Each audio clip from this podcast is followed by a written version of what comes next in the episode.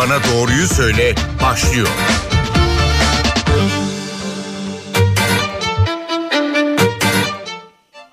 NTV Radyo'dan merhaba ben Aynur Altunkaş. Yeni bir Doktor Bana Doğruyu Söyle programında birlikteyiz ve pandemide son durumu değerlendirmeye, merak ettiklerimizi uzmanlara sormaya devam ediyoruz. Önce tabloyu genel olarak değerlendirelim. Pandemiyle mücadelede 3. dalgayı yaşıyoruz ve ne yazık ki salgının başından bu yana en yüksek günlük can kaybı sayısına dün ulaşıldı. 300'den fazla vatandaşımızı kaybettik.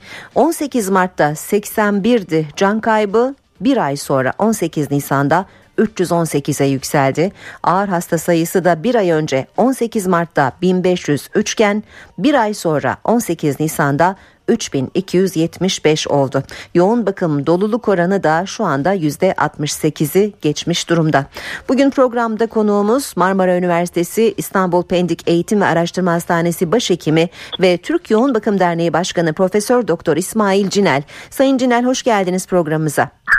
Ee, hoş bulduk. Ee, özellikle iyi yayınlar diliyorum. Ee, tüm e, seyirciler, dinleyicilerimiz açısından da ee, ben Türk Yoğun Bakım Derneği Genel Başkanı e, olma kimliğimle sizlerle birlikteyim. Evet. Onu tekrar vurgulamak istedim. Buyurun. Evet biz de özellikle yoğun bakımlara biraz daha dikkat çekmek istedik aslında bu programda. E, yaptığınız çok kısa bir açıklama var aslında durumu özetleyen. Lütfen arabanızı dikkatli kullanın, kaza yapmayın, hastanelik olmayın demişsiniz. E, genel olarak bir değerlendirme isteyebilir miyiz sizden Sayın Cinel? Ee, çok teşekkür ederim. Ee, şimdi e, bizim biliyorsunuz e, COVID hastalarımız e, var ve COVID olmayan hastalarımız var. Yoğun bakım gereksinimi her iki grup hasta içinde söz konusu olabiliyor. Covid olmayan hastalarımızı düşündüğümüz zaman özellikle yoğun bakım gereksinimi olan bunlar kendi hastalıklarını seçemeyebiliyorlar.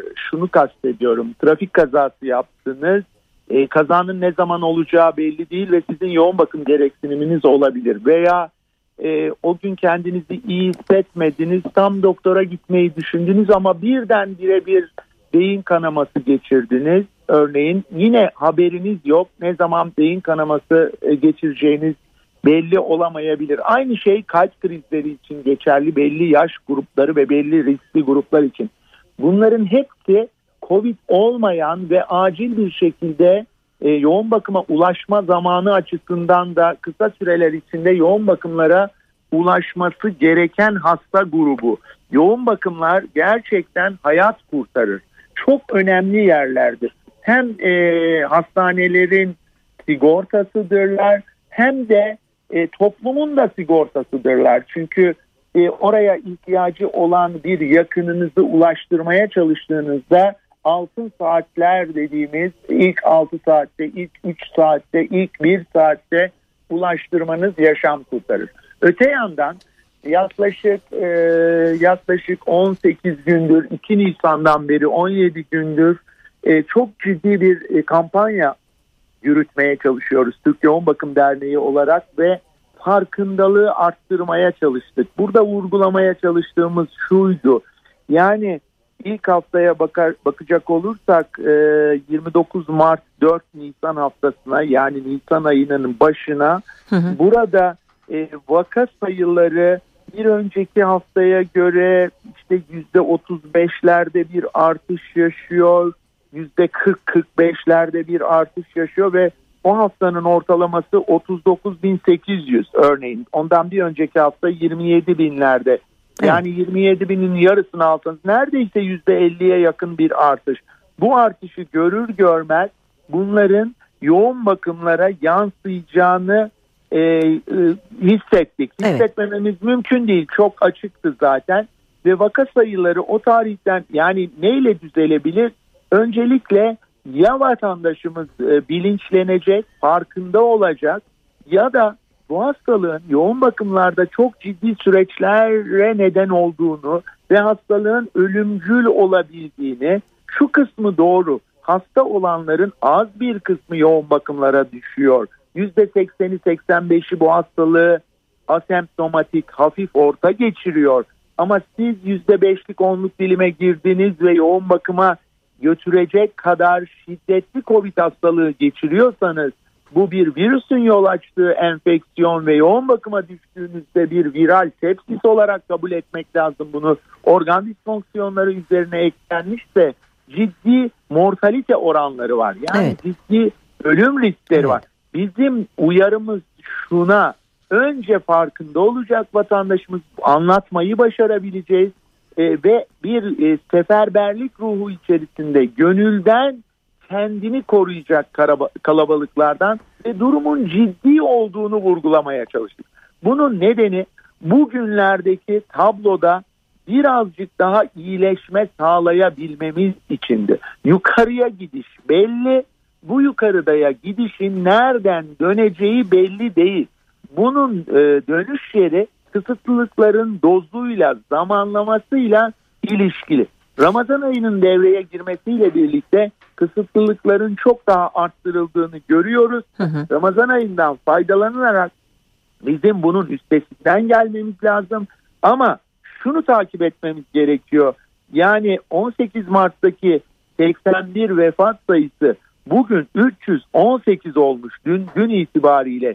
Bu sayı bir 10 gün daha kesin artacak gibi duruyor. Yani Neden? daha zirveyi görmedik mi görmedik. Sayın Cinel? Neden görmedik? Zirveyi görmemiz sırayla olacak. Önce vaka sayılarının zirveden dönüşünü göreceğiz. Hmm. Onu gördükten sonra bir hafta 10 gün sonra bu yansıyacak ağır hasta sayısına ve yoğun bakımlara.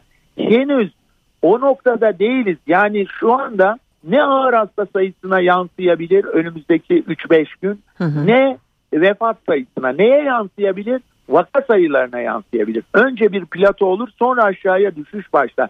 Bunları gördüğümüz anda yani vaka ortalamasının vaka sayısının vaka sayılarına da günlük bakmak yerine haftalık ortalamalara bakılması gerektiğini düşünüyorum. Hı hı. Bize daha doğru yanıtlar veriyor.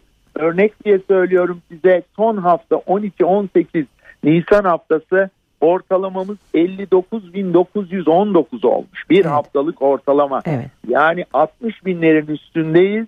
Ortalama 60 bine geldi. Peki. Bu hafta eğer bunun döndüğünü, durduğunu hissedebilirsek eğer bir hafta 10 günümüz var daha yoğun bakımlardaki zorlu süreçler açısından. Eğer bu haftada hissetmezsek bilemiyorum onu göreceğiz hep birlikte yaşayacağız çünkü virüsün bulaşıcılığı çok fazla ve Çin'in Wuhan'ı varsa İstanbul'da Türkiye'nin Wuhan'ı konumunda hı hı. müthiş dün açıklandı tablolar biliyorsunuz 900'lerde bir e, şey söz konusu çok yüksek rakamlar 100 bin kişide. 100 binde 900 evet. evet. evet. Bu 920 yanılmıyorsam çok yüksek rakamlar bunlar. Bu rakamların bu bulaşıcılık ortamı demek e, bizim hakikaten e, çok yüksek tempoyla gitmemiz demek. Bu yüksek tempo hani insanların bu yüksek temposu insanlarda arazlara neden olabilir ya hı hı. fazla yıpranma, yorulma, evet. beklenmedik şeyler çıkabilir ya bu beklenmedik şeylerin çıkma riskleri olur. Kontrolden çıkar virüs ondan çekiniyorum ama ben kısıtlılıkların e, zaten e, başladığını bunların etkilerini yavaş yavaş göreceğimizi düşünüyorum. Fakat eğer bu haftada yansımaları vaka sayılarında göremezsek bu bulaşıcılık oranı nedeniyle ve yeni İngiltere mutantı virüs nedeniyle hı hı. o zaman o zaman biraz daha fazla frene basmamız gereken bir durum ortaya çıkabilir. Evet. Çünkü şu andaki yoğun bakımların doluluk oranı gerçekten fazla ve yavaş yavaş artık yoğun bakıma ulaşma zamanları uzamaya başladı hastalarımızın. Bu ciddi bir durumdur.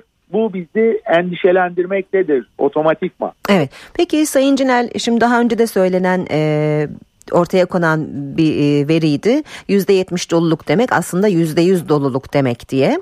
Ee, yoğun bakımda yatan hastaları da şöyle bir e, değerlendirecek olursak az önceki haberlerimiz arasında da vardı. Örneğin kendini iyi hissettiği için belirtisiz geçirdiği için hastalığı ilaç almayı reddedenler ya da işte aşılar ileri yaştakileri koruyor ama e, şu anda daha genç yaştakiler yoğun bakımlık oluyor gibi açıklamalar var.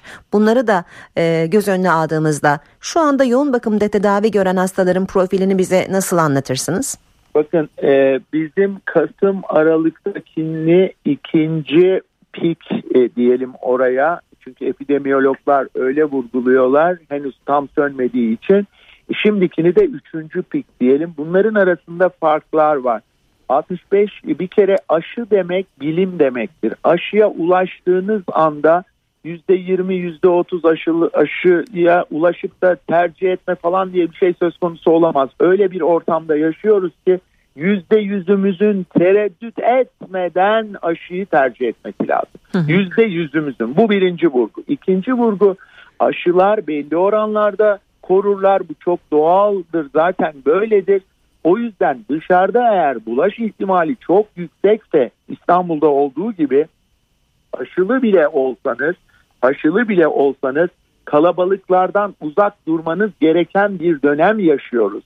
Daha fazla riske girmeyin diyorum. Buna da dikkat çekiyorum. Üçüncü vurgum yaş ortalaması ikinci pike Kasım aralığa oranla daha aşağılara geldi. Burada hiçbir sorun yok. Hı hı. Bu demek değil ki 65 yaş üstü hasta olmuyor. Hayır tam tersine 65 yaş üstü de hasta olabiliyor. Aşılı olsa bile belli orandakiler hasta olabiliyorlar. Ee, ana yolu bunun korunmak ve bunun bilincinde olmaktan geçiyor. Ee, gençlerin olabilmesinde virüsün biraz silah değiştirmesi, biraz Türkiye'de e, 65 yaşın üzerini aşılamayı e, başarabilmiş olmamızda yatıyor. Ama e, gençlere de sıra geldiğinde hiç tereddütsüz aşı olmalarını yüzde milyon öneriyorum. Bu çok net yani. Evet. Burada bu virüsün mutant formunun daha dikkat çekici bir takım özellikleri var. Yani 18 Mart'ta 81 vefat varken yoğun bakımlarımızda 1503 hasta var. Yani ağır hasta sayımız bakın tam bir ay sonrasında yaklaşık yaklaşık e, 4 katı 81 çarpı 4 320 e, yapıyor evet, sonuçta 324 evet. yapıyor 318 yani 4 katı bir vefat var e, 1500-3275'e çıkmış ağır hasta olarak. Yani bu ne demek? Bu demek ki ağır hasta iki kat artarken e, vefatlar dört kat artmış demek. Bu da bu da karşımızda olan virüsün doku tahribatını yani mutant virüsün yapabildiğini gösterir. Neye sarılmamız lazım? Aşıya sarılmamız lazım. Neyle korumamız lazım? Anormal bir sağanak varsa dışarıda mutlaka ve mutlaka o sağanaktan korunmak için siperlere girmek lazım. Siper dediklerimle kastettiğim ne? İlla ev içi ortam iddiasında değilim. Siper kalabalıklardan uzaklaşmak, boş alanlarda yalnız kalabilmek, boş alan açık hava da olabilir. Yani bu kısmı çok önemli. Hı hı. Bunu içselleştirelim ve yeni normal düzende böyle yaşayalım. Evet. Biz kontrollü normalleşme dönemini e, büt, e, zamanlama olarak e, iyi geçirmediğimizi düşünüyorum ama tüm dünyada şu anda bir pik yaşanıyor zaten.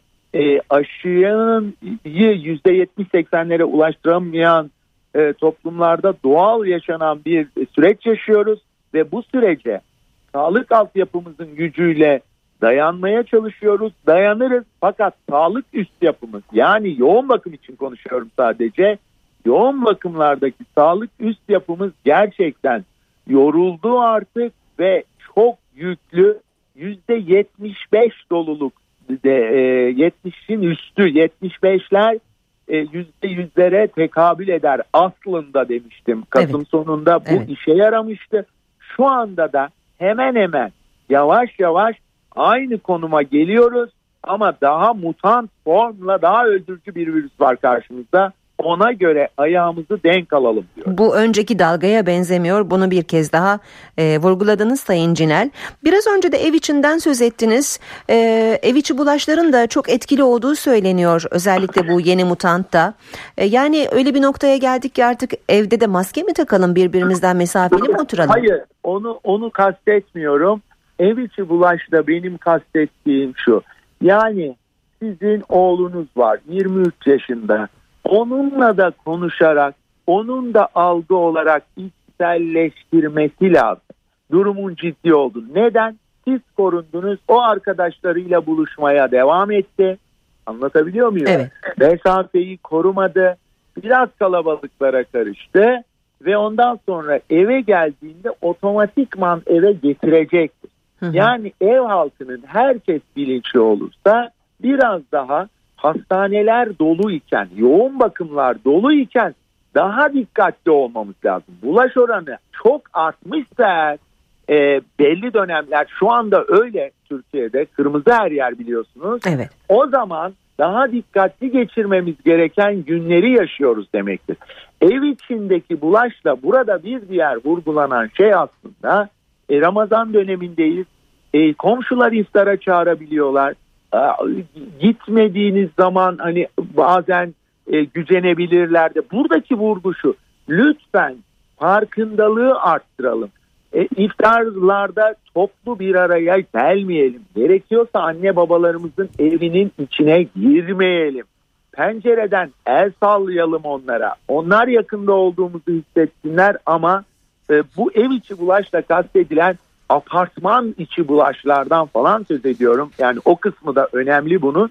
E, bunları yapalım. Yoksa evimizin içinde maske takmak gibi bir şeyi e, önermiyorum yani. Peki çok sorulan bir soru var onu da size hemen kısaca yönelteyim. Bugüne kadar yapılan aşılarda bir e, yan etki e, ciddi bir yan etki görüldü mü? E, bakın aşılarda görülen yan etkilerin hiçbir önem önemi yok ama hiç yok. Hmm. İsim vermeden söylüyorum. Bir aşıda görülen 6 milyonda bir. 6 milyonda 6. Bu rakamlar o kadar anormal düşük rakamlar ki sizin kalp krizi geçirme ihtimaliniz ya da normal anjiyo olurken ki e, bir ölümcül olayla rastlaşmanız bunların çok çok çok çok çok üstünde. O zaman aşılarda bir yan etki falan değil. Bulduğumuz anda bulabildiğimiz aşıyı bir an önce toplu olarak olmak zorundayız. Aşıyı yüzde ellisi olsun aşı çıkmış popülasyondan söz ediyorum. Yüzde ellisi olmasın. O da bir işe yaramaz. Biz toplu seferberlik halinde bu aşıyı anlatarak algıyla birlikte yaptığımız zaman virüsle çok daha iyi mücadele ederiz. Bakın ben yoğun bakım açısından söylüyorum. Bu bir virüs, bir mikrop sonuçta. Nasıl bizim yoğun bakımlarımızda daha öncelerden bildiğimiz, sizler de duymuşsunuzdur. Neyimiz var? Diyelim dirençli mikroorganizmalar vardı, dirençli bakteriler vardı, antibiyotik direnci artıyordu.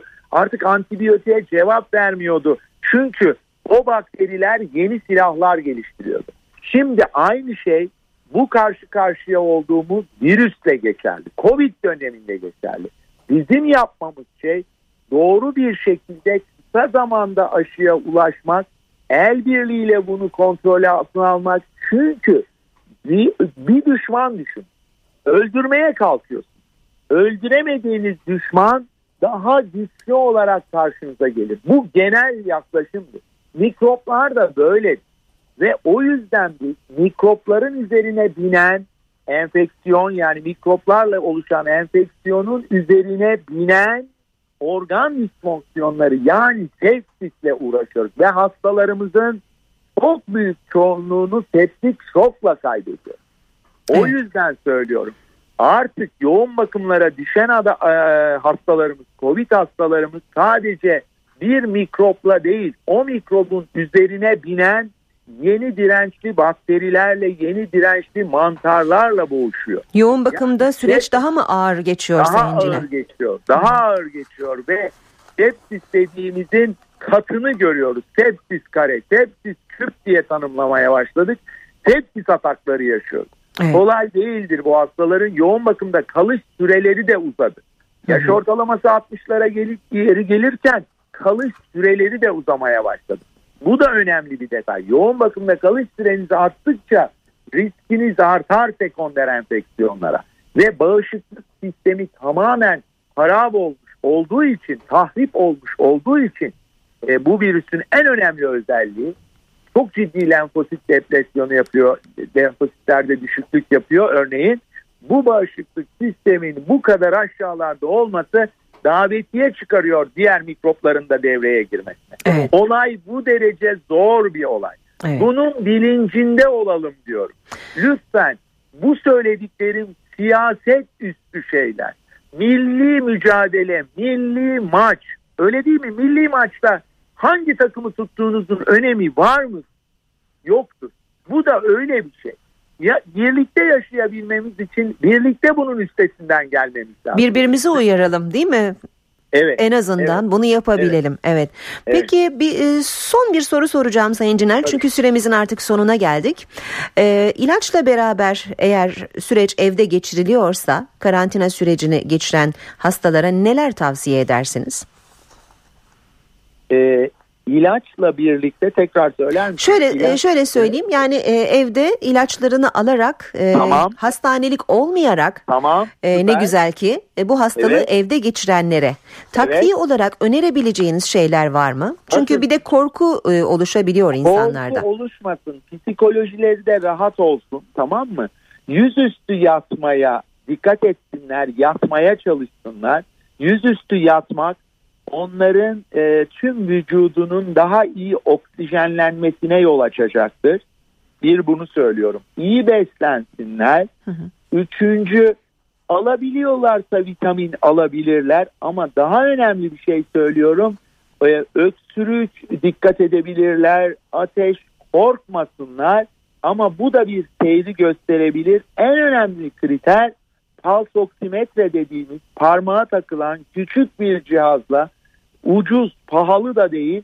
Bununla eğer nefeslerinde bir tıkanma söz konusuysa özellikle e, oksijen durumunu, satürasyonunu yani periferin, periferik e, e, el, ayak, tüm organların satürasyonunu yansıtan bir cihazla gidişatı, trendi takip etsinler. Oksijen satürasyonunda düşme, tuvalete giderken yorgunluk dışında nefes nefese kalmak, salona geçerken yatak odasından nefes nefese kalmak gibi olaylarla karşılaştıklarında erken müracaat etmeliler. Onlara hastanede uygulanabilecek başka ilaçlarımız söz konusu. Onlarla birlikte e, daha iyi e, hastalarımızı koruyabiliriz. Hastalığın ilerlemesini önleyebiliriz. Yoğun bakımlara düşmelerini solunum cihazına bağlanmalarını hı hı. önleyebilir. Sayın Cinel çok teşekkür ederiz programımıza konuk olduğunuz için ve verdiğiniz bu değerli bilgiler için. Ben teşekkür ediyorum. İyi yayınlar dilerim.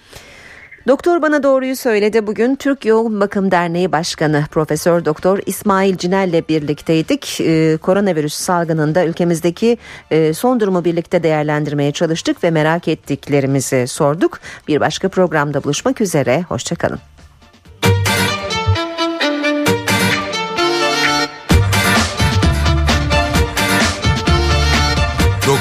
Bana doğruyu söyle.